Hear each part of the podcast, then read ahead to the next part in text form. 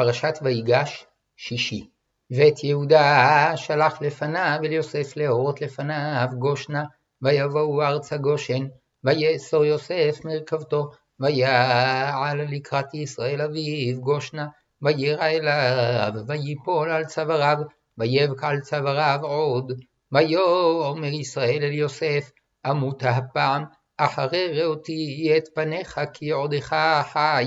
ויאמר יוסף אל אחיו ואל בית אביו, אעלה ואגידה לפרעה, ואומרה אליו, אחי ובית אבי אשר בארץ כנען, באו אלי, והאנשים רועי צאן, כי אנשי מקנה היו, וצונם ובקרם וכל אשר להם הביאו, והיה כי יקרא לכם פרעה, ואמר מה מעשיכם, ואמרתם, אנשי מקנה היו עבדיך מנעורינו ועד עתה, גם אנחנו גם אבותינו, בעבור תשבו בארץ גושן, כי תועבת מצרים כל רועי צאן. ויבוא יוסף, ויגד לפרעה, ויאמר, אבי ואחי וצונם ובקרם וכל אשר להם, באו מארץ כנען והנם בארץ גושן, ומקצה אחיו לקח חמישה אנשים, ויציגם לפני פרעה, ויאמר פרעה אל אחיו, מה מעשיכם? ויאמרו אל פרעה,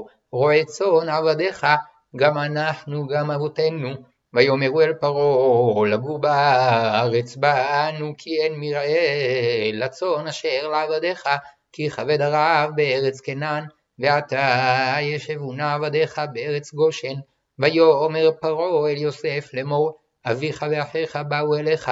ארץ מצרים לפניך היא, במיטב הארץ, ושבט אביך ואת אחיך ישבו בארץ גושן, ואם ידעת ויש בם אנשי חיל, ושמתם שרי מקנה על אשר לי, ויבא יוסף את יעקב אביו, ויעמידהו לפני פרעה, ויברך יעקב את פרעה, ויאמר פרעה אל יעקב, כמה ימי שני חייך, ויאמר יעקב אל פרעה ימי שני מגורי שלושים ומעט שנה, מעט ורעים, היו ימי שני חיי, ולא השיגו את ימי שני חיי אבותי בימי מגוריהם. ויברך יעקב את פרעה, ויצא מלפני פרעה,